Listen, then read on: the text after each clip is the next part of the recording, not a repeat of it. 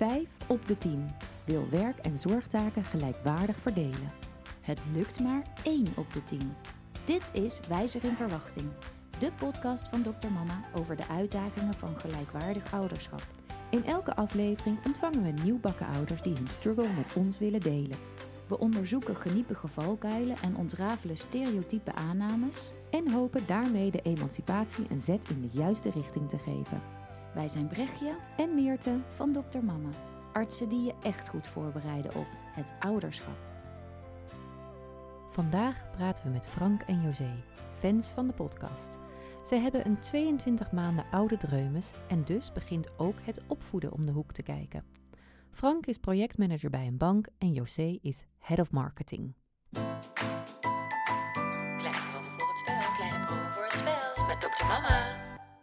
Luister je naar deze podcast, dan is de kans groot dat je zelf ook hebt ondervonden hoe de uitdagingen van het ouderschap eigenlijk een drol zijn waar je over uit moet glijden. En we zullen niet beweren dat wij daar de oplossing voor hebben gevonden. Toch helpt het om vooraf al een paar schurende vragen te bespreken met elkaar. Vragen die je niet zelf verzint, omdat dat hele ouderschap nog zo cryptisch is. Heb jij vrienden die wel een cadeautje kunnen gebruiken in voorbereiding op het ouderschap? Hoe leuk is het dan om ons spel wijzer in verwachting te geven? Met vragen die je elkaar moet stellen voordat je ouders wordt. Je vindt het spel op onze website of via de show notes. Zegt. Oké, als ik jullie vraag met het mes op de keel ja of nee. Hebben jullie de zorg gelijk verdeeld? Ja. Nee. Awesome. dit, is, dit is voer voor discussie. Eh, is het gelukt om na de geboorte de werk- en zorgtaken zo te verdelen als jullie van tevoren hadden voorgenomen? Ja. Zeg nee, zeg nee. Ah, sluit aan op de vorige, denk ik. eh, nou, een beetje, een beetje, het zit een beetje tussenin, maar ik moet antwoorden. Hè? Mes op de keel, nee. Juist. En hebben jullie wel eens oneenigheid over de taakverdeling? Ja. Ja. Dit belooft wat. Lekker, Daar gaan we fijn. lekker over hebben dadelijk. Ehm, maar deze podcast gaat over gelijkwaardig ouderschap. En de eerste vraag is dan natuurlijk: wat betekent gelijkwaardig ouderschap voor jullie? Het betekent denk ik eh, in deze context gelijke verdeling van eh, in eerste instantie zorgtaken. Dus voor onze dochter Emily, ehm, ja, is dat gewoon de, de basiszorg, zeg maar. Gewoon eh s'nachts uit bed voor haar. aankleden, eten, dat soort dingen. Dat, dat schaar ik daaronder. Mhm. En da- daarnaast een stukje, ja, ze is nu 20 maanden, dus een stukje opvoeding of een stukje ontwikkeling natuurlijk. Daar is José dan wel een stuk meer mee bezig qua, qua ook eh, inlezen. Dus dat is dan eh, minder gelijkwaardig in ieder geval, maar dat is, eh, beschouw ik er wel onder van dat je eh, allebei eh, ja, ook eh, leest over eh, stappen die ze maakt en wat je kan verwachten. Dat je daar ook tijd en energie in steekt, allebei, eh, om dat gelijk, ja, eh, gelijk op te laten gaan. Dus dat, dat schou- beschouw ik eh, als gelijkwaardig. Grappig hè, dat je dus Ja, leuk. veel mensen die we dit vragen, die gaan eh, eh, verklaren dat ze allebei eh, evenveel werken. Dat is vaak Oh. het focuspunt. Hè? Ja, ja. Van, eh, wij verdelen het gelijk, dus, want eh, zij werkt net zoveel als ik, of bijna net zoveel als ik. Eh, terwijl jij meteen zegt, nou, het gaat over het verdelen van zorgtaken en het gaat ook over opvoeding. En, en dat is wellicht dus ook de reden dat je zegt, hebben jullie het gelijk verdeeld? Nee, omdat je daar al een discrepantie aangeeft tussen jullie beiden. Ja, nou, het is, ik denk dat het wel gelijkwaardig is dat qua zorg voor Emily. eh, dat een flesje geven, een luiertje verscholen, eten. Dat eh, gaan we gelijk in op, denk ik. We zijn in principe allebei één dag met Emily. En het andere ding eh, waarom ik eigenlijk ook nee antwoord is dat José zich iets meer verdiept in ja. ontwikkeling van Emily. Ja. Dat, ja, dat verneem ik vaak van José. Dat komt Mhm. er iets in Instagram binnen, een linkje. Moeder kunnen laten plassen op een potje, eh, eh. Dus eh, zo gaat dat. Ja. Ik heb daar iets minder, ja, misschien iets minder interesse. tenminste, interesse wel als ik het passieve interesse, laat ik het zo noemen. En minder, eh José heeft me al een aantal keer een boek aangereikt, maar dat, nee, ik heb wel eens een poging gewaagd, maar dat is niet helemaal, Het is gewoon niet helemaal jouw ding. nee, terwijl ik het wel interessant vind als, als José ermee Ja. komt, van, ehm, Het is niet dat je ongeïnteresseerd bent, Nee, maar, je gaat er niet actief naar zoeken. Nee, het nee, past precies. misschien wat minder bij je karakter of zo.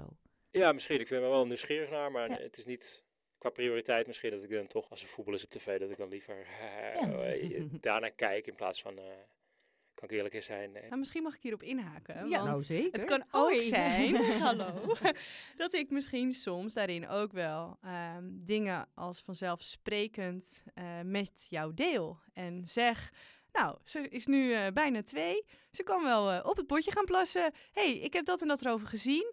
Of dat is door een of ander algoritme inderdaad eh, in mijn leven gekomen.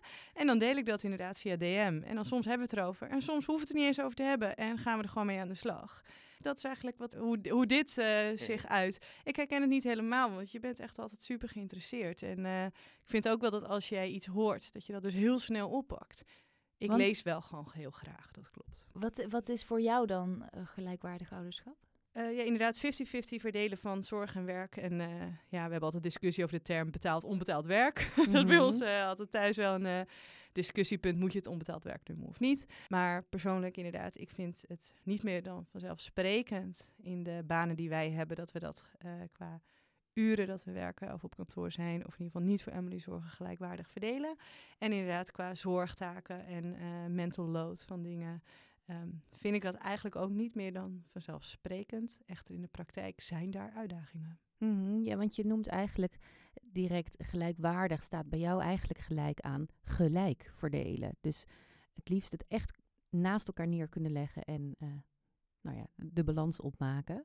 Ja, bijna wel. Ik denk niet dat wij een lijstje hebben. Alleen ik moet wel eerlijk zeggen dat als je dat zou maken, kan het wel zijn dat ik tot de conclusie kom dat Frank wat meer taken vervult dan ik misschien dacht. Mhm. En ook in vergelijking tot misschien andere mensen, dat wij daarin wat ehm, het gelijker verdelen. je kan dingen nooit precies gelijk verdelen. Je zal toch naar de waarde toe moeten gaan. Ehm, je kan wellicht uren qua betaald werk gelijk verdelen. Eh, maar goed, als één iemand het gras maait, kan niet de ander het gras maaien of weet ik veel, weet je. Dus dan moet je een taakje vinden wat daar gelijkwaardig tegenover staat. Eh, maar de neiging is dus wel meer dat die waarde toekennen meer valt binnen het, nou, echt zo gelijk mogelijk dan dat je aan het bediscussiëren bent over, oké, wat is de waarde voor mij van onbetaald werk en wat is de waarde van betaald werk en kunnen we dat op elkaar leggen, zeg maar. Dus de een werkt 24 uur en de ander werkt 40 uur, maar we voelen ons gelijkwaardig, want mijn taken binnen de zorg zijn net zoveel waard als jouw betaalde werk. Dat is, daar zoek je meer de gelijkheid in. Ja, voor mij is het zo'n vanzelfsprekendheid dat wij gewoon allebei inderdaad een dag met Emily hebben. En dat Ja. we verder dus gewoon inderdaad alles gewoon logisch verdelen met de dingen die wij, of waar onze interesse ligt, of wat we gewoon praktisch kunnen of willen doen. En ook wel omdat ik echt wil dat wij, eh, maar dat is heel persoonlijk, eh, voor Emily een voorbeeld zijn. Ehm, En dat ze daar heel trots op kan zijn. En dat als zij een keer struikelt, dat ze net zo hard naar Frank toe rent als naar mij. Ehm, ja, dat, dat soort dingen. Maar ook advies vragen over dingen. Eh, Oké, ze zegt nog niet zoveel. Maar, eh, maar dat ja. daar de basis ligt, zodat als ze straks 16 is, Ja. advies kan vragen aan beide. precies. Omdat jullie evenveel waarde hebben gehad in haar eh, verzorgende leven. Want dat is eigenlijk altijd onze vervolgvraag. Waarom is een gelijkwaardige verdeling belangrijk? En da- daar geef je al een kleine hint bij. Het is voor mij echt heel belangrijk. Waar komt dat vandaan? Ehm, ja, ik geloof echt dat een man, zeg maar, die een baby niet baart, Mhm, wel net zo goed voor een baby kan zorgen. mhm, En ik heb dat in de, in een Netflix-serie Baby's gezien tijdens eh, mijn verlof. En dat er een stofje in de hersenen echt aan kan gaan bij een man. Dus ook als twee mannen voor een baby zorgen. Dat heeft me enorm geïnspireerd. Mhm. Ehm, en ik heb er ook wel een beetje een sport van gemaakt om Frank te motiveren. En ook eh, ja, om, om echt eh, te zorgen dat wij wel een eh, ja, voorbeeld zijn voor anderen. Ondanks dat het er voor mij een vanzelfsprekendheid is. Terwijl ik helemaal niet zo'n achtergrond heb in de omgeving in een dorp waar ik ben opgegroeid. Waar toch op het schoolplein eigenlijk eh, hoofdzakelijk moeders stonden. Dat is niet helemaal mijn ideaalbeeld. En eh, jij, Frank, voel je dat stofje in je hoofd inmiddels?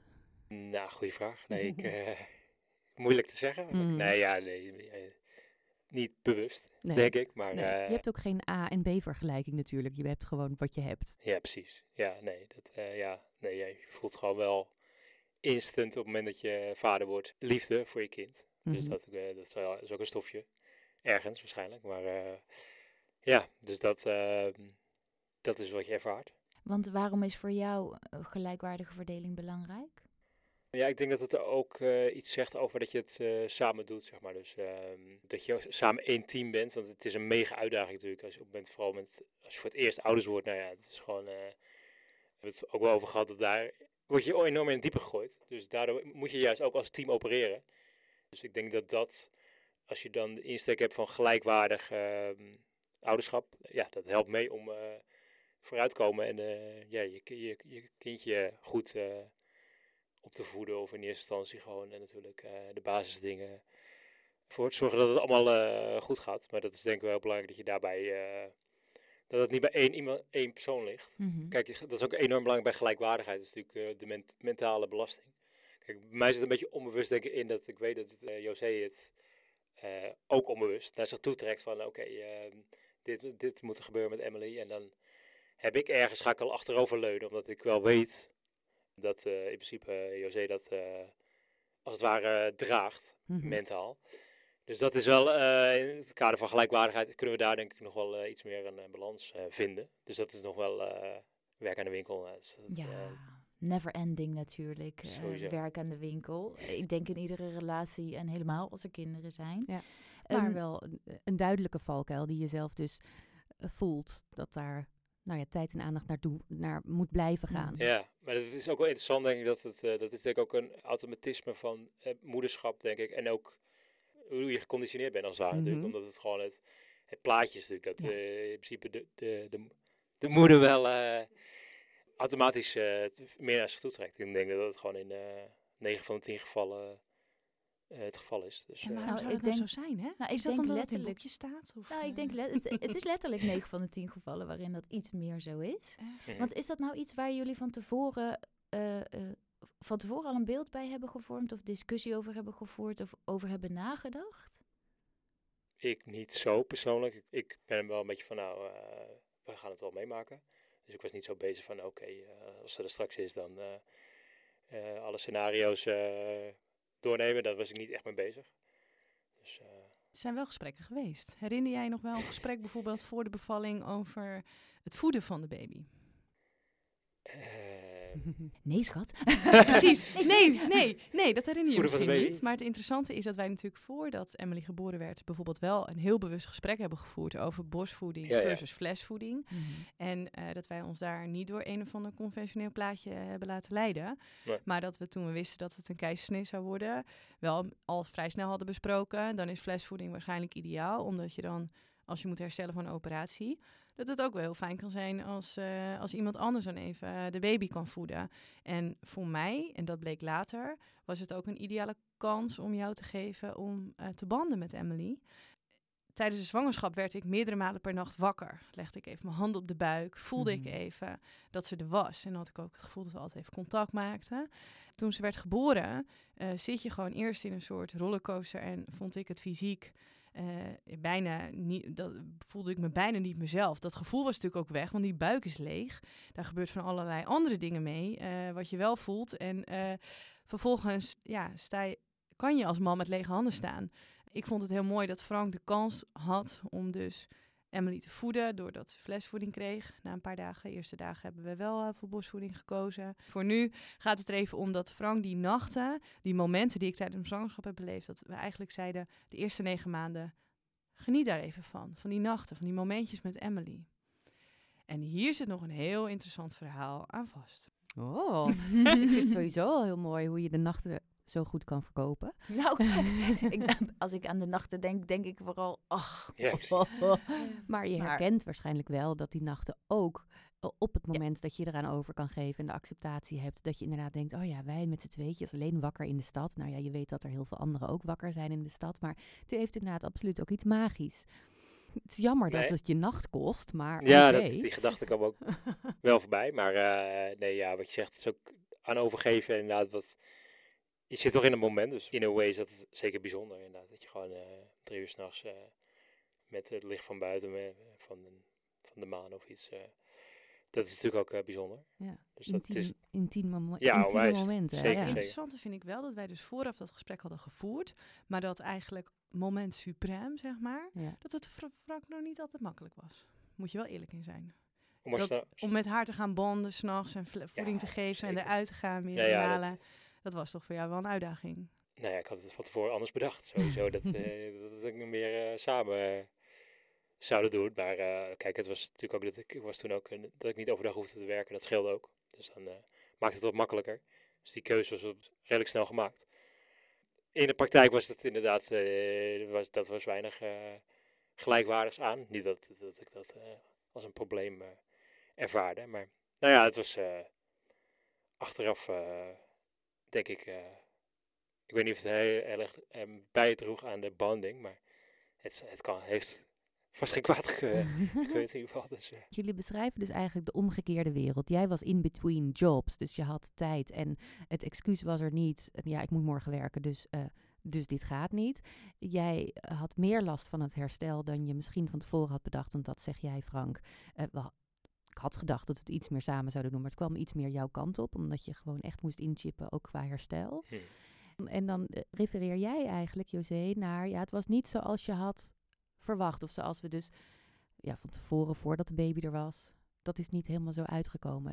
Jij wil daar wat over vertellen. Wat wil je daarover vertellen? Nou, het was toch wel echt meer uitdagend, denk ik, voor ons samen om die vorm te vinden. Mhm. Eh, dat, het leek mij zo vanzelfsprekend dat ik het los kon laten s'nachts bijvoorbeeld. Mhm. En ja, ik praat toch vooral over de nacht. Want dat Mhm. is toch het meest eh, uitdagende, denk ik, als je net ouder bent. Omdat je gewoon echt super gewend bent al heel lang om gewoon s'nachts te slapen. En je bent wat gekker in de nacht. Ik bedoel, je Precies. problemen worden heel groot in de nacht. Precies. En ja, waar je voorheen drie uur de kroeg uitrolde en eh, nog prima van alles kon doen, is het nu als je ineens om drie uur wakker wordt, wel even, oh, ehm, oh ja, in actie. En in ons geval was het zo dat ik wakker werd eh, en Frank wakker maakte Mhm. om vervolgens voor Emily te gaan zorgen. We hebben ook best wel snel besloten dat het wiegje dan aan zijn kant zou staan. Mhm. Waar die toch wel weer vaak terugschoof, omdat als ik mijn hand in het wiegje hing, dit was ik vergeten, wat leuk. Eh, dat ze dan eigenlijk ook soms gewoon weer snel stil was. Maar wat ik erover wilde delen is eigenlijk wel dat het gek genoeg in onze eh, omgeving, maatschappij, heel vaak werd ontvangen als... Wat fijn voor je dat Frank dat doet. Mhm. Jeetje, wat heb jij een geluk. wat, eh, oh, wat knap. Wat knap. Nou, en ik moet dan zo hard lachen. We hebben zo, ik heb zelf ja, eh, binnenpretjes gehad, maar ook gewoon hardop gelachen. En ik heb hier ook wel hele uitdagende gesprekken over eh, gevoerd. Omdat ik vind dit ook vanzelfsprekend. Mhm. Ehm, en eh, daar ja, denkt toch niet iedereen eh, hetzelfde over. En dat is ook oké.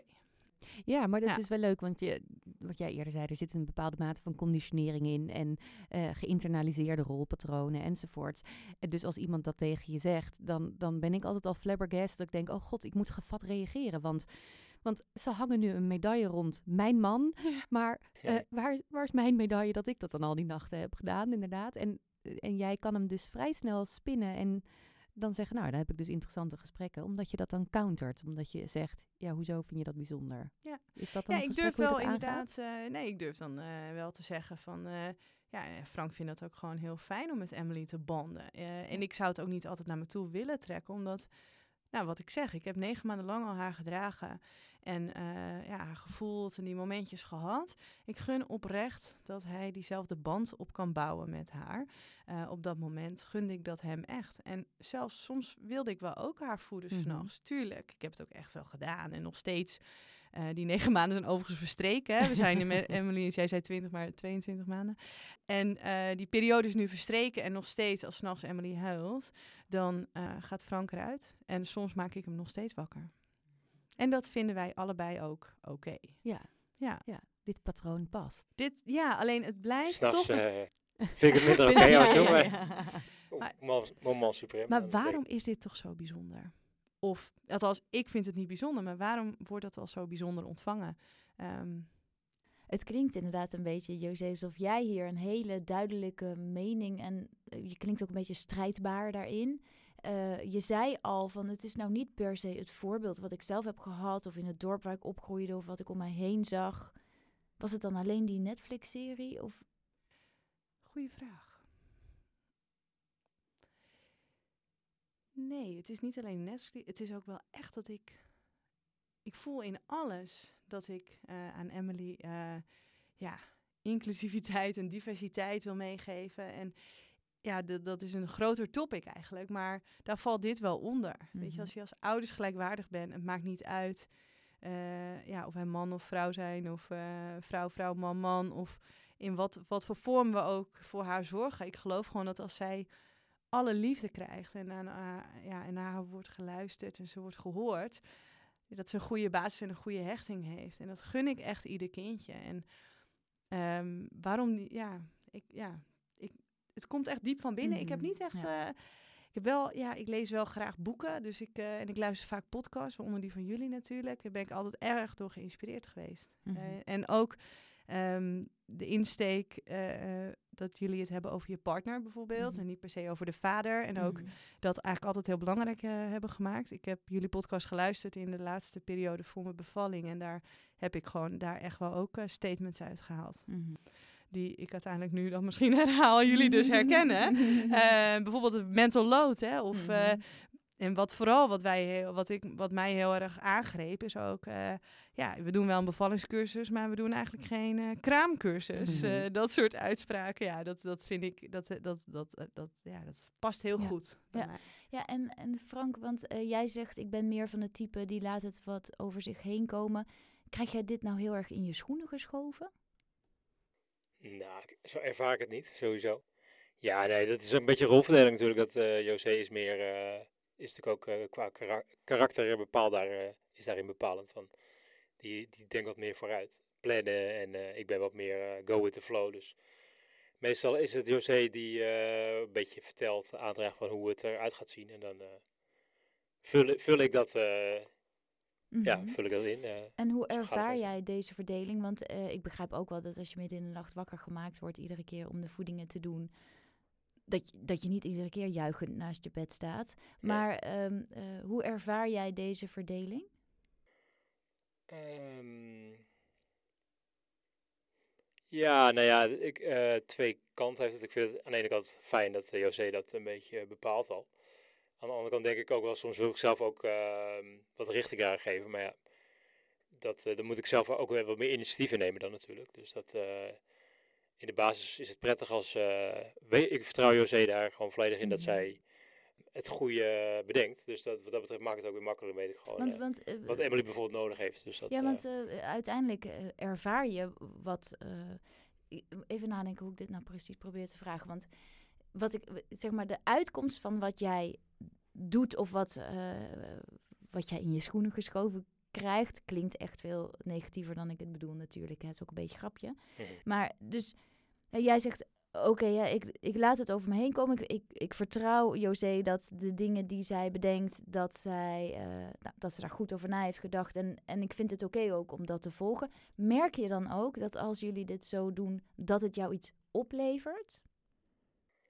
Eh, ja, nou, het geeft wel een stuk comfort voor mij, omdat ik weet, eh dat het super fijn dat José super goed aanvoelt wat Emily nodig heeft. Dus Mhm. Voel jij dat niet aan? Nou, minder. Mhm. Ja. Ja, José heeft er meer antenne voor. Mhm. Ik heb ook wel eh, eh, wat dingetjes, maar dat is toch, het is meer, ligt meer bij José. Maar in de nacht vaar je op je eigen antenne, toch? Ik bedoel, oké, het, het piepsignaal naast je gaat af dat jij wakker moet worden. maar daarin heb jij de meeste meters gemaakt om uit te vinden wat heeft Emily nodig in de nacht. Ja, zeker. Nee, dat, het is ook wel wat dat betreft dat ik echt wel eh, een serieuze bijdrage lever. Ehm, en wat je bijvoorbeeld, eh, ja, de nacht is dan redelijk overzichtelijk is gewoon een flesje of een eh, knuffel of eh, ja, meestal een flesje was het dan als ik echt de nacht deed. Dus dat was eh, niet heel spannend qua wat ze nodig heeft. Meestal was dat redelijk simpel, een fles maken. En, en, was Zo het wel... krijg je iedereen stil. Ja, en aan de andere kant denk ik dat het, het maakt toch dat je heel erg op je eigen koers moet varen. En natuurlijk, als je er niet uitkomt, heb je godzijdank een partner die je ook gewoon wakker kan schudden en kan zeggen: Joe, ik weet het echt even niet Mhm. meer, ga jij met haar lopen? Ehm, Maar ik kan me wel heel goed voorstellen dat, dat je legt heel veel credits neer eh, bij José. En eh ben ik altijd voor, want hé, hey, laten we de medaille terughangen. Dat is ook hartstikke goed. Maar ik denk dat jij daar een klein beetje naar zoekt. Wat, dus wat levert het je ook op dat je dan die nachten met haar hebt of die zorg tijd voor haar hebt. Dat ondanks dat het misschien een beetje aangedragen wordt, eh, wat brengt het jou? Zo, klopt dat, Brecht? Ja, Ah, klopt. Ken je goed, hè? Nou, voel je me aan. Ik weet niet of het helemaal antwoord op de vraag is, maar wat, wat ik gewoon leuk vind is dat ik vorige week is dan eh José te logeren bij een vriendin en dan ben ik met Emily alleen. En dat, dat geeft ook wel gewoon een bepaalde trots van ik ga het nu samen, we gaan het met z'n tweetjes, eh, dit is even eh, papa met de dochter. dus dat vind ik eigenlijk, dan is, het, dan is het wel meer aan mij om dat allemaal een beetje te bedenken, wat, hoe, hoe gaan we dat regelen. Is een beetje dubbel gevoel, het is natuurlijk prettig als het, als het allemaal eh, is ingevuld, maar om dat zelf te doen, vind ik dan ook gewoon heel, eh, vind ik gewoon leuk om te doen ook. Dus dat is niet... Dat sterkt ook in het ouderschap. Ja, zeker. dat denk ik denkt. gewoon. eh, ik, ik kan ook. het lukt me ook aardig in mijn eentje. en Ik vind het gewoon leuk om dat ook. Mhm. Want ben je dan de ouder geworden die je gedacht had? Of ja, ik had niet echt toch wel moeilijk om voor te stellen. Ja. Ja. Je, ja, je hebt altijd een beetje een romantische voorstelling van ik wil ooit kinderen. En ja, het is. Ik vind bijna niet. eh, achteraf is het bijna niet te voor te stellen. Mhm. Echt, Dat ik in het begin heel erg ook van dat je gewoon je leven is. eh, eigenlijk dat je op het moment dat je nog met z'n twee bent, dat je nog geen kinderen hebt, is eigenlijk het leven is echt, echt lang leven de lol. Mhm. Het is natuurlijk allemaal, het is zo'n eh, omslag. Zo ervaarde ik het eh, meteen na dag 1, dag 2 al. Dat je denkt, oké, eh, Dus andere koek. ja inderdaad. eh. Ja, ik vind het wel heel leuk eh, om te horen ook, Frank, hoe trots jij daarop bent als ouder. En ik vind dus ook dat je het heel goed doet. Maar ik vind ook dat je jezelf misschien soms tekort doet. Want ehm, het is heel leuk eigenlijk voor die nachten om dat aan te vullen. Jij had gewoon een hele praktische checklist. En dat hoorde ik jou bijna in je hoofd afspelen als ik dan wel nog wakker was. Want je viel natuurlijk niet altijd meteen weer in slaap. Flesje, knuffeltje, luiertje. eh, oh ja, nee, ja, oké. Eh, het was geen... eh, op een gegeven moment gingen we ook oefenen. Oh, misschien was het wel geen flesje en dan alleen een knuffeltje geven. En daarin vond ik echt dat je de lead nam. En ik vind echt dat je dat wel naar je toe hebt getrokken. En ook wel vrij pragmatisch aanpakte. Ehm, Ja, ook wel een beetje eigen belang hoor, op dat moment. Van, als ik haar zo snel mogelijk weer in bed krijg, dan kan ik zelf ook weer lekker in de bed. Moet ik eerlijk zijn. ja, Dus eh, Het is Ja. leuk, jij spreekt er eigenlijk van een hele andere, e- uit, vanuit een hele andere emotie. Namelijk inderdaad, jij hebt een soort magie beleefd in die negen maanden. Elke nacht met haar een momentje. En dat heb je heel erg gegund. ja. Ehm, eh, waarbij eh, jij inderdaad ook af en toe denkt, ja, maar eh godzijdank als je ook snel weer slaapt, want eh, het is niet alleen maar magisch. Ja. En, en wat ik ook heel erg hoor in het verhaal is dat ze is nu 22 maanden, er is nogal weer veel gebeurd. En als je bedenkt, wat, wat bedenk je van tevoren, dan weet je het eigenlijk niet goed. Maar nu is het ook alweer totaal anders dan in het begin, want ze zal eh, hopelijk, ik weet het niet, iets minder vaak elke nacht wakker worden. Eh, waarmee dus dat een beetje naar de achtergrond zijpelt en je dus nu zelf voelt, want die valkuil heb je al meerdere keren naar boven toe gehaald, dat eh José weer iets meer in de lead is rondom die mentale eh, last of die mentale load. Ehm, wat vind jij ervan dat je die mentale load hebt? Nou, grappig, want ik ervaar dat helemaal niet 100% dat het helemaal bij mij ligt. Mhm, Een valkuil van mij is dat ik onbewust dingen naar me toe trek. mhm, Vanuit enthousiasme, inderdaad, een paar stappen vooruit denken. Gewoon heel praktisch seizoenen vooruit denken met spullen Mhm. die nodig zijn. mhm. Maar ja, zou het erg zijn als in de winter, als het ineens koud is en er hangt geen winterjasje klaar. Ja, dan kan Frank ook gewoon die dag naar een winkel en een winterjasje kopen. Mhm. Ik ben iemand die het fijn vindt als die dan in de kast hangt, voor als het een keer koud wordt. Dus Mhm. zo zit ik erin. En ik heb hierin zelf al veel geleerd. Mhm, Want? Dat dat ook een oplossing kan zijn op, op de dag zelf. Iets wat, ja, een, een uitdaging die voor onze voeten ligt als het gaat om Emily, om die dan op te lossen. Um, En niet altijd alles hoeft van tevoren bedacht te zijn of al uitgewerkt of eh, eh, voorbereid. Dus als jij spreekt over de mental load, dan zeg je: het ligt heel erg binnen mijn krachten. Ik kan dat goed doen, maar ik heb ook geleerd dat als ik voel, oh ja, het begint nu te piepen en te kraken, ik voel dat er wel heel veel op mijn schouders komt, slash ik pak het op mijn schouders, om dan iets meer te denken, joh, ik kan eigenlijk ook prima achterover leunen, want het, eh, het komt dan wel goed. Ja, ik vertrouw Frank 100%. Ik weet dat hij net zo goed voor Emily kan zorgen eh, als dat ik dat kan. En eh, ondanks dat, er, dat het wel eens wordt geïmpliceerd. Nou, volgens mij zei Frank het net nog van... eh José weet wel wat Emily nodig heeft of die voelt het. Mhm. Oké, toen ze net geboren was, voordat ze ging huilen, voelde ik dat al. Dat Mhm. voelde ik aan. Denk ik. Kan ook toeval zijn geweest. Kwam gewoon vaak voor. Ehm, dan kon ik Franke vast aanporen. om een vast een flesje te maken. Waarop ik dacht, eh, hoezo? eh, En dan zei ik, wacht maar, wacht maar. Ze gaat echt wel Ja. huilen hoor. Ja, natuurlijk, het is ook een kwestie van de klok. Ja, en daarin ben ik wel inderdaad iemand die eh voorbereid eh, wil zijn. Je weet ook niet hoe het is als je dat niet zou doen. En dat is wel eens wat je zegt, dat achteroverleunen. Dat was misschien voor mijn uitdaging, maar kan het wel. Want ehm, voel jij je vrij om je eigen inbreng te hebben in het, in het ouderschap? Eh, ja, zeker. Nee, ehm, moet ik wel goed beslaagd ten ijs komen, zeg maar, omdat José wel eh, ja, heel veel leest. Dus als ik eh, inbreng wil hebben, dan is de goede kans dat José dat al ergens eh, eh, heeft opgepikt. Dus ehm, ik voel me er wel vrij in. Ik ben dus ook wel soms wat eigenwijs aangelegd, dus daar krijg je ook wel wat discussie over. En dan komt José ook met argumenten van, ja, ga je het eerst maar even lezen en dan kom dan maar terug. Dus dat is op zich ook wel eh terecht punt. Maar het is niet dat ik me niet vrij voel. ehm, nee, dat is wel echt. En wat ik denk heb jij? die ruimte, kan ik wel nemen. Ja, Ja, En wat denk jij dat jij toevoegt in het leven van Emily? Zo, dat is een grote vraag. Zo, ja. Wacht even. Ja, dat niet Waarom zo ben eh, eigenlijk? Ja. Oh, God. Zo. Het bestaan. Ik probeer, ik probeer het vooral een kans te laten zijn. Als, eh, ik hoop dat je het niet ziet als een soort kritisch noot. ja, wat is jouw rol? Wat vroeg jij? Nee, maar ik... Laat ik het zo eventjes off the record zo zeggen. Ik weet zeker dat jij iets heel belangrijks toevoegt. Ik denk dat je heel bescheiden bent en jij bent dominant. Ja, ja, En dat, ja. en dat is ook oké natuurlijk, maar zo is de vraag bedoeld. Dus zeg maar, om je de ruimte te geven om te zeggen hoe belangrijk je bent. Voor Emily. Ja. Nou ja, ik denk eh, in principe eh, net zo belangrijk als José is voor Emily. Nee, ja, eh, sowieso. eh, ik bedoel, eh, zonder ons kan zij niet zich ontwikkelen. Dus nee, ja, ik denk dat wij heel belangrijk voor haar zijn, omdat we gewoon heel veel aandacht aan haar geven. En als ik het op mezelf betrek, ehm, nou ja, probeer ik ook energie in te steken om het, haar eh, liefde te geven, zeg maar, maar op haar gemak te laten voelen. Dus dat ik denk dat ik daar eh, hopelijk eh, dat, eh, dat zij dat ook eh, zo. Ze kan er niet over praten, maar eh, zo voelt het natuurlijk. Maar eh, dat is, ik denk dat ik daar zeker een eh, meerwaarde voor mijn bijdrage eh, heb. Dus eh, Je hebt wel eens tegen mij gezegd dat je ook haar gewoon altijd een veilig gevoel geven, toch? Dat ze gewoon zichzelf kan zijn. dat is onwijs belangrijk. Ja, dat, ze, ja dat, dat is eigenlijk de basis. Hè. En van daaruit dat ze eigen keuzes kan maken. En, eh, nou ja, we hebben het natuurlijk wel over gehad dat de eerste vier jaar schijnt natuurlijk mega belangrijk voor de binding eh, te zijn. Dat is natuurlijk de basis voor, eh, voor de rest van je leven. Dus dat, Ja. nou, dat ben ik me wel bewust van dat het, dat als je dat haar mee kan geven, dat is zo waardevol natuurlijk. Omdat, nou ja, wie weet, dat later zij dat ook weer door kan geven. Dus dat is mega belangrijk. eh. Ja, je investeert zelfs in volgende generaties. Dat is echt het In a way. besef wat je, Ja, ja, Nou ja, dat voelt. We hebben wel zeker. interessante conversaties die we voordat we ouders waren echt eh, nooit hadden.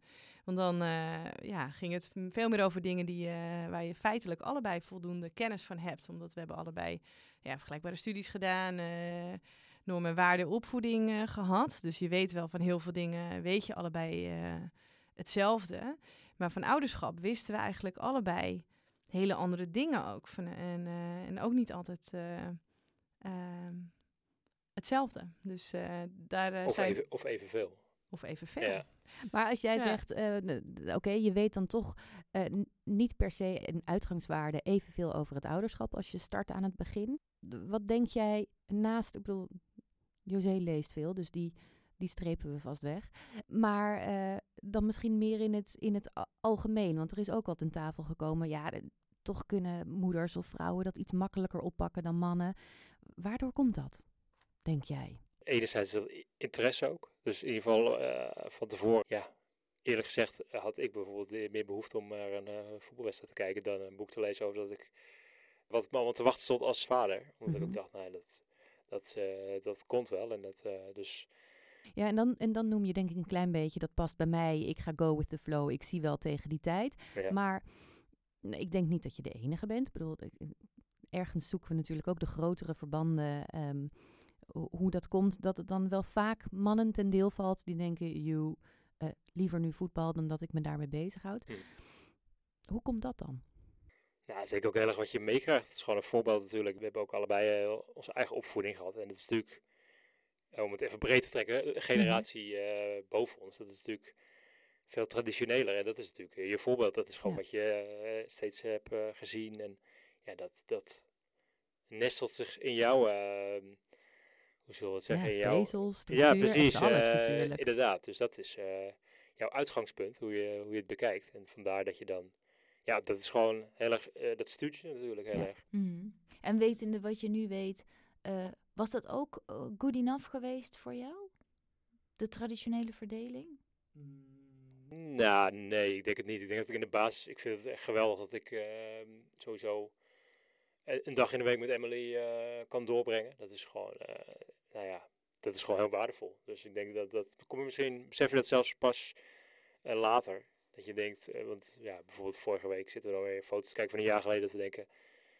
eh, hoe, hoe is het mogelijk dat in een jaar tijd dat er zoveel gebeurt? Ja. En dan besef je dan eh, vaak pas achteraf van... Nou, fijn dat we nu... We hebben ook meteen in het begin... Ik zeg dat nu ook... Een vriend van mij is net vader geworden. Ik zeg ook... Geniet er elk moment van. Want nou, dat weten jullie ook. Het vliegt. Tijd vliegt. En eh, die ontwikkeling gaat super snel. Dus dat is ook... Dat, zie je, dat bedenk je vaak achteraf van... Oh, Ja. ze gaat naar school al bijna. Bij wijze Mhm, van. ja. Als antwoord op je vragen denk ik dat het beter bij me past. Dat ik wel echt een grotere rol kan spelen dan zeg maar de traditionele verhouding. Zoals je het vaak ziet. Dus dat... eh, ik denk dat die balans ook goed is binnen, binnen een relatie. En ehm, ja, voor, voor Emily is het denk ik ook goed voor haar ontwikkeling dat ze, wat José ook zei, dat ze naar beide kan gaan voor Ja. als, ze, als ze ergens mee zit. Mhm. Dat is gewoon, eh, ja, mega Ja. waardevol. eh. Ja, je, je, je noemt echt dat op meerdere lagen. Dus het is en tussen jullie, zo kom je samen ook na vier jaar dat je niet elkaar de tent uit aan het vechten bent en elkaar nog kent. Want je doet allebei eh, dezelfde taken en dezelfde zorg en je ziet er allebei de waarde van in. Je voelt heel erg, dit betekent ook heel veel voor die fund- fundering of het fundament voor Emily, dat ze naar allebei primaire hechting heeft eh, ontwikkeld. En maakt dus niet uit als ze uit een boom valt. Eh, ja, dus kan beide kanten oprennen.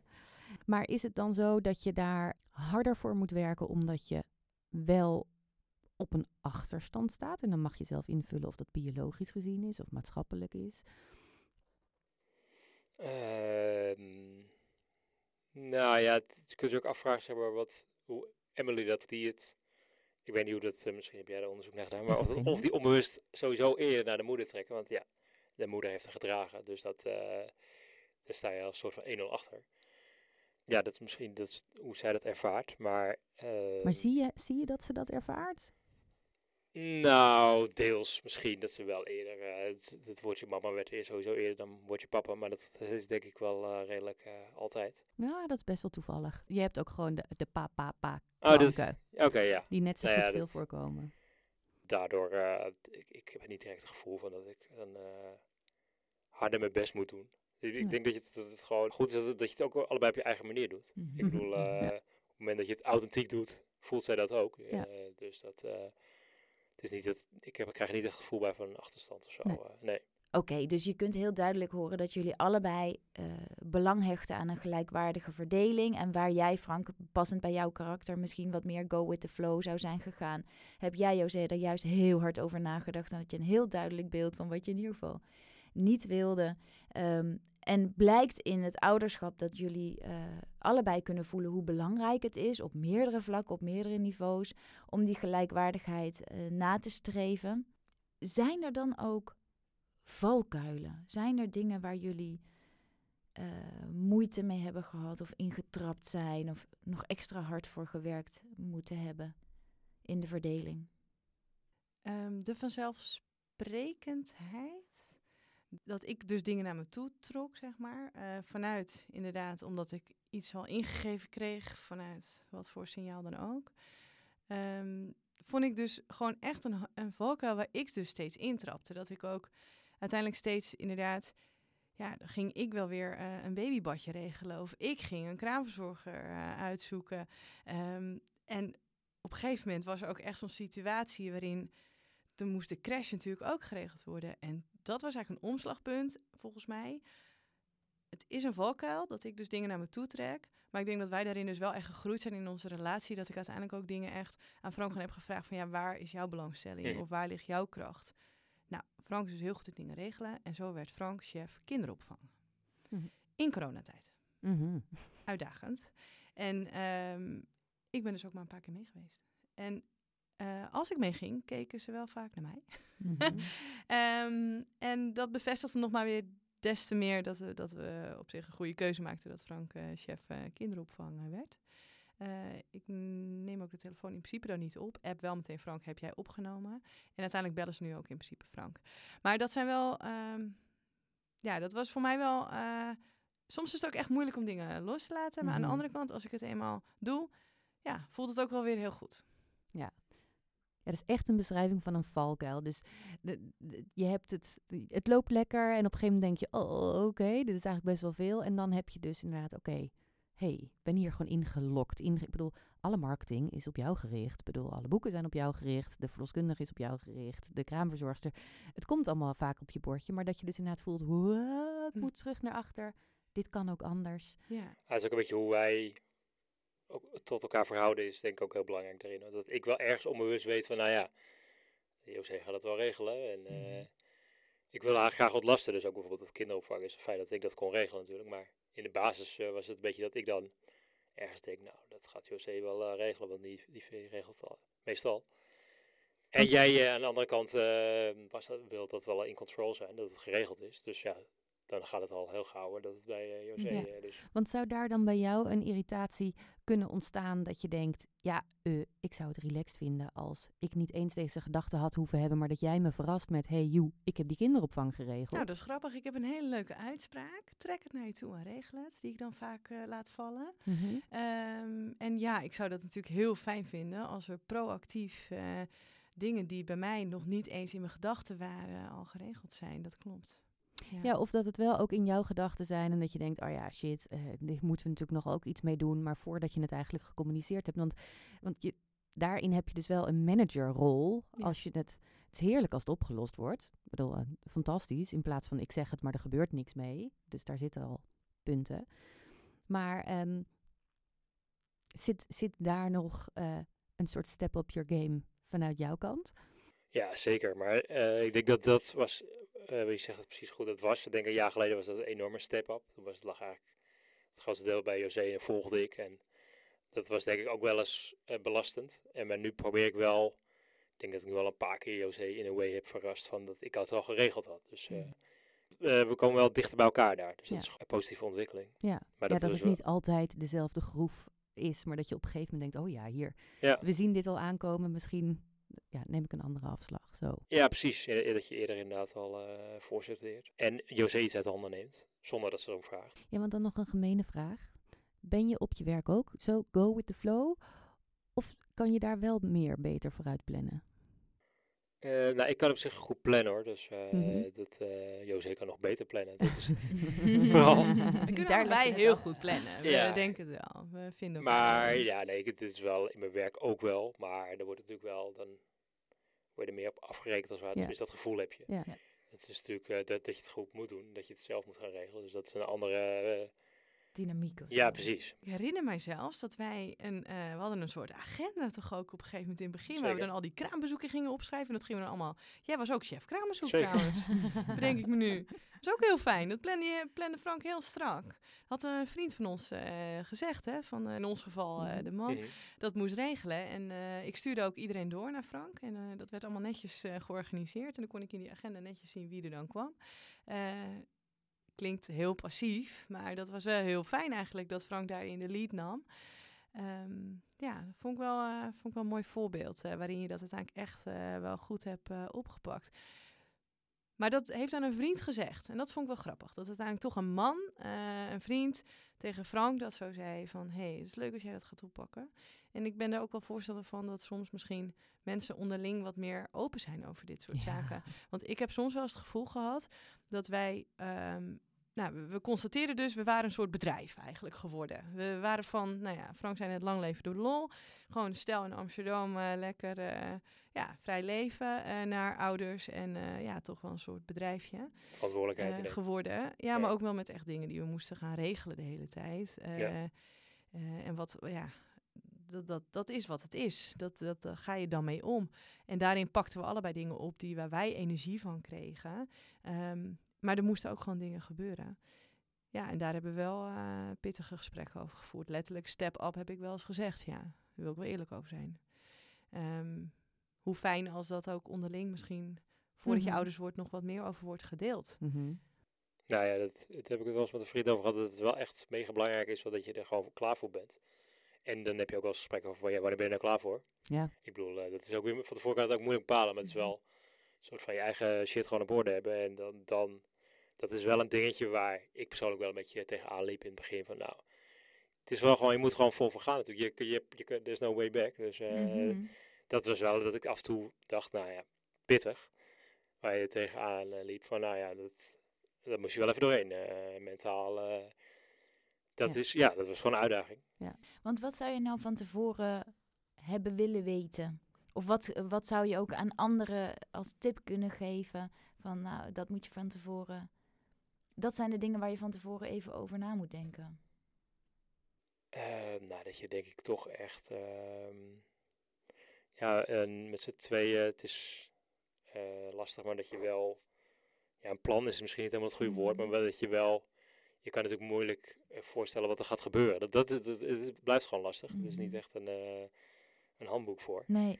Dus ja, ja, ik weet niet. Het is denk ik gewoon dat je, eh, al je dingetjes op orde hebt. Op het moment dat het gebeurt, dat je echt volledige focus eh, kan hebben op, eh, op, op je kindje dan. Dus dat is heel belangrijk. Dus als je gewoon je, al je andere dingen, een leuk huisje hebt, je baan op orde, dat soort dingen, dat, dat, dat je dat even kan parkeren als het ware. En dat je die focus, dus dat is denk ik heel belangrijk, dat je gewoon vol focus... Bedoel je dan ook tijd? Want dat vond ik wel grappig. Om, weet je, wij moesten echt wel uitdagingen nou, hebben in niet- tijd, het toch? is meer het gevoel, denk ik. oh. Want Wat tijd, bedoel je dan met tijd? Nou, bijvoorbeeld dat je...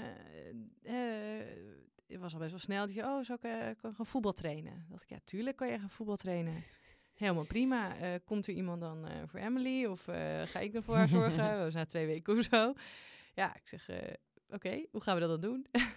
dat soort zaken. Dat je ook gewoon bewust bent van... Dat was vooral een verrassing, denk ik. Van hoeveel tijd je minder hebt voor jezelf. Klinkt zo gek, maar dat is wel zo. Ja, Ja, en hoe ook afhankelijk als, je bent van de ander precies. als je dan dus Dat. inderdaad, eh, jij wil gaan voetballen. Ja, dat betekent dus dat jij thuis bent Mhm. eh, om dat op te vangen. Ja. En andersom. Mhm. Want wie neemt het makkelijkst tijd voor zichzelf?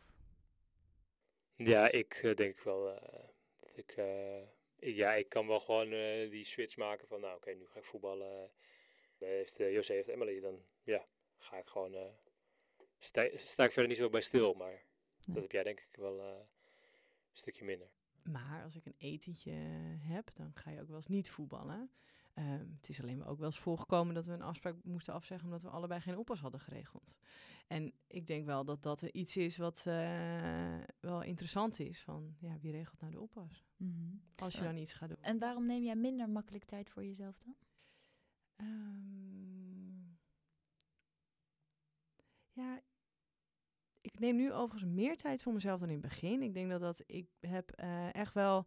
Ze zeggen negen maanden op, negen maanden af. Voor mij duurde dat wat langer. Ik, van mijn vriendinnen eigenlijk heel veel zeggen dat ook. Dat het ook fysiek gewoon eh, ietsje langer duurt dan negen maanden. En door een keizersnee, in mijn geval, in ieder geval, duurde het ook wel weer nog ietsje langer. En als je eenmaal dus weer meer eh, jezelf voelt en ook fysiek voelt, dan heb je ook weer meer behoefte om meer te gaan doen. Ik merkte ook wel dat ik in het begin echt wel het ook wel fijn vond om een beetje te cocoonen, Mhm. zoals ze dat noemen. Maar dat je op een gegeven moment ook wel behoefte aan hebt om wel naar buiten te gaan. Ik herinner me echt nog wel de eerste keer zonder Emily. Mhm. Ze was altijd bij me, negen maanden. En eh, ja, dan ga je de eerste keer eh, even een rondje lopen zonder haar. Ga even alleen een rondje lopen. En dan zat ik echt om me heen te kijken van waar is ze? Waar is die navelstreng? Ja, Zit nog echt? vast? Dat vond ik dan wel heel lekker. Alleen dat, dat gevoel is echt weggegaan. En eh, dat, daar ben ik heel blij mee. Dus ik kan nu inmiddels veel meer tijd goed voor mezelf wel, wel nemen. Dus het is een stukje karakter misschien ook. Mhm. Ja. Eh, we weten uit cijfers 5 op de 10 stellen willen in het ouderschap de zorgtaken graag gelijk verdelen. Het lukt maar 1 op de 10. Wat is daarvan de reden, denk je? De maatschappij is natuurlijk heel erg op ingericht nog steeds. Dat is aan het veranderen, denk ik. Maar eh, dat, dat gewoon de vrouw eh, daarin het voortouw neemt. En dat, dat is gewoon het voorbeeld dat, wat onze generatie ook nog heel erg krijgt. Dus dat, daardoor dat je gewoon onbewust, denk ik, dat het eh, zich zo beweegt. En dat je dan inderdaad uiteindelijk maar 1 op de 10 echt die meer 50-50 hebt. Maar dat het gewoon toch in heel veel gevallen, dus 9 op de 10, eh, ja, nog steeds gaat zoals het altijd ging. Dus dat is gewoon toch heel erg, dat zit denk ik heel erg diep in de... In de In de- cultuur. Ja, precies, Ja. inderdaad. En jij zegt ook biologische verschillen. Eh, wat, eh, wat bedoel je daarmee? Ehm had ik dat opgeschreven? Shit, heb ik dat opgeschreven? nou ja, het, het, het- het maakt ook niet uit. Nee, ik zit er moeten van- nadenken, maar... Je hebt het opgeschreven inderdaad. Eh, als eerste ook. Wat, welke van de volgende factoren veel- spelen volgens jou het meest een rol bij de ongelijkwaardige verdeling?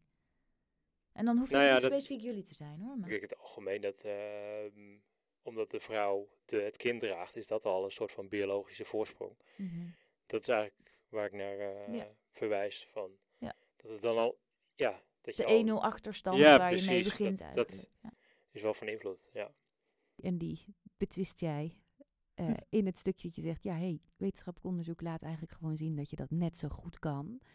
Waarbij misschien ook wel, want je zegt ook, ja, ik hoorde het wel eerder voordat ze geluid maakten, werd ik eigenlijk al wakker. Ik denk dat dat ook mogelijk toch die achterstand is, wat dan dus is, ja, je hebt al negen maanden hormonen en ook jij verandert tijdens de zwangerschap al hormonaal. Maar de hormoonshift is minder groot. En eh, hoe meer je aan kan sluiten met de baby, hoe, hoog, hoe sneller je dat inhaalt, zeg maar. Daar zijn jullie mee bezig geweest. En doet mij heel erg denken aan, ik, ik hoor het veel van een vriendinnetje wat pas bevallen is. eh, die zegt, ja, ja, hij is toch wel echt gewoon man. En dan, dan is het natuurlijk voor mij moeilijk dat ik denk, oh ja, wat, wat vind ik hiervan? Wat zegt ze nou eigenlijk? En eh, ik denk dat ze, dat je dus zou kunnen zeggen, we denken dan heel snel. Dat zijn biologische verschillen. Maar het is ook een klein beetje, ja, je bent gewoon man, je gedraagt je conform wat je geleerd hebt over zo vul je man in. Zeker. Dat dat, eh, Wat ook niet gek is in principe. wat, wat Nee, helemaal niet gek nee. Maar dat het dus denk ik juist daarom heel fijn is, wel ook, ja, nogmaals, een soort van zelfpromotie van deze podcast, maar om die verhalen te horen en te horen waar je dan mee struggelt en hoe je dat dan toch gewoon prima oppakt. En dat je inderdaad opmerkt, joh, ik kan net zo goed voor Emily zorgen als zij, eh, ondanks dat eh, ze er misschien soms bovenop zit met een nieuwe opvoedmethode. Ehm, zit, het, zit, het, zit het ook wel prima gewoon in de vezels. Er is weinig om je eh, onzeker over te voelen. En dat Ja. is pure winst. Juist. Fijn dat jij die hebt. eh, Dat ik hem erin heb geknald, hè? Ja, Ja. dacht ik wel. juist. Ehm, heel erg bedankt voor, eh, voor dit gesprek. But wait a minute. Hoorde jij dat ook? Nou, flip the coin. Frank en José zijn zich allebei ervan bewust dat de mental load, ondanks hun goede voornemens om het helemaal 50-50 te verdelen, wat ze voor een heel groot deel ook doen, maar dat die mental load dan toch vooral bij José ligt. En dan valt het op dat Frank wellicht nog niet zo goed onder woorden kan brengen wat hem de verdeling oplevert. Ja, en dat vind ik ook wel grappig, want dit is wel een van de eerste opnames waarin direct zorg naar boven kwam. In plaats van werk gelijk verdelen of eh, genoeg eigen tijd verdelen, ging het heel duidelijk over zorg. Maar nog steeds is denk ik dan dus nog heel weinig voelbaar. En eh, je, je hebt Frank op jouw manier een podium gegeven. Again. Om- Sorry. om daar dus wat, wat meer eh, van te voelen met, ja, met hoe belangrijk is die zorg nou? En, en daar komt voor mij wel een vraag naar voren. Waarom kunnen we dat dan zo moeilijk waarderen? Waarom kan je dat zo moeilijk vatten? Is het omdat zorg niet zichtbaar is? Is het omdat zorg nooit af is? Is het omdat zorg niet ja, Op waarde geschat wordt. ja, precies. Of punten verdient. Of dat je daadwerkelijk een mijlpalen erin kan bereiken. En dat kunnen we denk ik als maatschappij niet zo heel erg goed. Maar is het dan ook nog verschillend of een man zorgt in het ouderschap of dat er een vrouw zorgt in het Hmm. ouderschap. Ja, want ik meen dat het wel onderzocht is dat betrokkenheid bij de opvoeding voor mannen allerlei voordelen oplevert voor kinderen, maar ook voor henzelf. Ja. Dat is wel één om uit te zoeken. Ja, om daar dan beter eh, in, dieper in, in te gaan, waardoor het wat, wat tastbaarder wordt, wat zorg dan is. Dat is er een voor de volgende podcastserie. Volgende serie. Ehm, en wat ook leuk is, is dat dit gesprek zich zo bij uitstek levert voor de letterlijke flip the coin. De, de reden dat we deze rubriek in het leven hebben geroepen van tevoren, omdat we dachten, oké, dat gaan we dus doen. Dat kan je hier heel erg goed doen. Ja. Zal ik eens, zal Draai ik het eens, maar gewoon zal eens ik het om. eens omdraaien? Draai het eens om. Kijk, want dan wordt er op een gegeven moment gezegd. Hè, in hun geval was het zo dat Frank wakker werd en José wakker maakte. om vervolgens voor Emily te gaan zorgen. En daarom hebben zij ook snel besloten dat het wiegje aan haar kant zou staan. Waar die toch wel vaak terugschoof, omdat als Frank zijn hand in het wiegje legt, dat ze dan ook weer snel stil was. En gek genoeg werd het in hun omgeving vaak ontvangen als: Wat fijn voor je dat José dat doet. Jeetje, wat heb jij een geluk. Of, oh, wat knap zeg, van José. en dan ehm, hoor je ook, ik gun oprecht dat zij dezelfde band op kan bouwen met haar als ik. ja, precies. Ja. En ergens, eh, shame on me, ja die Durf- heel leuk. durf het bijna niet meer te herhalen dat ik serieus zei, maar nou flip ik hem. Zeg, José, wat denk jij dat jij toevoegt in het leven van Emily? Nee, nee, nee, nee, nee. Buiterlijk over mezelf heen. Nee, nee, nee. Ik probeer dit een kans te laten zijn. Ik probeer je de ruimte te geven om te zeggen hoe belangrijk je bent in het leven van Emily José. Ja, guilty as charged. Flip the coins laten toch altijd net een ander beeld zien van wat we nou eigenlijk zeggen. En wel grappig, want dit komt dan toch weer terug op de waardering van zorg. En zo is het cirkeltje rond. Ja, zo is de cirkel rond, of eigenlijk misschien toch niet. Misschien is het wel zo dat hier nooit een eenduidig antwoord op gevonden kan worden. En dat het dus blijven praten is, blijven onderzoeken, blijven vragen stellen aan elkaar, waarvoor, hey, toevallig er ook nog een spel te koop is. Vind het via de show notes of de website. En ondertussen worden we onwijs blij van de reacties die we krijgen, omdat het mensen aan het denken zet, omdat er gesprekken gevoerd thuis worden. Echt fucking awesome. Dank jullie wel. Strooi ondertussen graag nog heel eventjes met sterren, want eh, ja, ik geloof dat er dan nog, nog meer mensen deze podcast kunnen luisteren en kunnen vinden. En volgende week zijn we heel graag bij jullie terug. Dan maken we best wel een grote stap in het ouderschap. Want dan spreken we met ouders die al 3,5 jaar onderweg zijn in het ouderschap. Tot de volgende.